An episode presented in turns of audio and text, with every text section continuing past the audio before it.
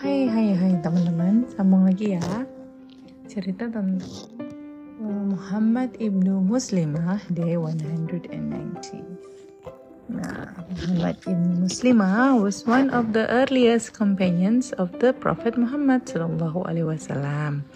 He belonged to the Aus tribe of Madinah. AWS ya, Aus. He accepted Islam before Sa'ad ibnu Mu'ad. Oh, dia duluan ya. His name was Muhammad and his nickname was Abdurrahman. Abu Ubaidah ibnu Jarrah was paired with him after the migration of the Muhajir. Oh iya.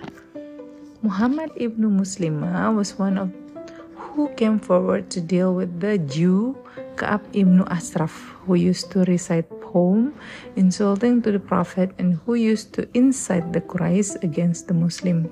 Nah, jadi dulu itu oh, karena Nabi Muhammad uh, dapat ayat-ayat Al-Quran sedikit-sedikit-sedikit itu dan uh, mereka anggap itu karangannya dia aja gitu kan.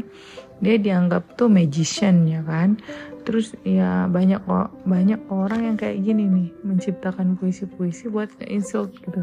Kayak yang meleset-melesetin ayat-ayat gitu loh nah Muhammad ibnu Muslimah with the help of two other companions killed that Jew When the Prophet had gone on the expedition of Tabuk, he had handed over the command of Medina to Muhammad ibn Muslimah. He spent many years in the company of the Prophet and had heard many saying of the Prophet. Jadi dia dekat juga dan banyak uh, dengerin hadis ya. There are six hadis reported by him that appear in the book of Ahadith. Of all his characteristics, the most prominent was his love for the Prophet.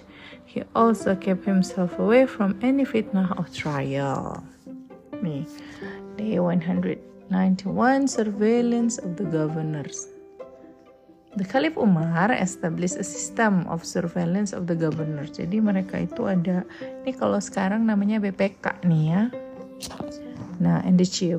Once he appointed Muhammad ibn Muslimah to carry out his task.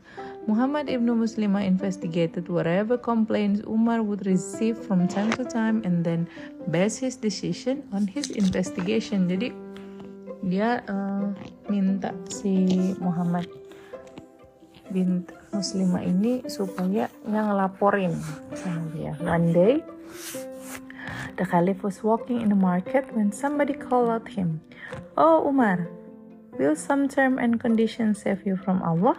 Your chief in Egypt, dibilang nih, Ayas ibnu Ganam wear thin clothes and has put a gatekeeper as his gate. Ada yang ngadu nih. Nah, Umar immediately sent Muhammad ibnu Muslimah to Egypt. When he reached there, he found a gatekeeper at the gate. Bener ada. And when he went inside, he saw Ayas wearing a thin robe. Muhammad ibnu Muslim brought him to Madinah in the same state. Jadi pas lagi begitu ditarik langsung ditangkap. Without giving him time to put on a robe, the Caliph then asked him to take off his robe and made him wear a robe made of hairs and send him to herd livestock. Sama Umar disuruh ngangon. Similarly, when the Caliph received information about the amassing of large amount of money by Amr bin As, jadi dia dibilang nimbun-nimbun duit, he sent Muhammad ibn Muslimah with a note that the entire wealth should be placed before Muslimah and that he would take it from it whatever amount he felt was desirable. desirable. Jadi dia yang harus ngelihat. Terus Muslimah went to Amr bin As and asked him to do as he had been instructed by the Caliph. After some initial disagreement, Amr put his entire money before Ibnu Muslimah. Ditaruh semua duitnya. Who took a certain amount from it and then came back to Madinah. Dia taruh semua. Ya udah deh terserah mau ngambil yang berapa kek. Terus diambil. Terus dibawa ke Umar. Astaga, bener-bener ya.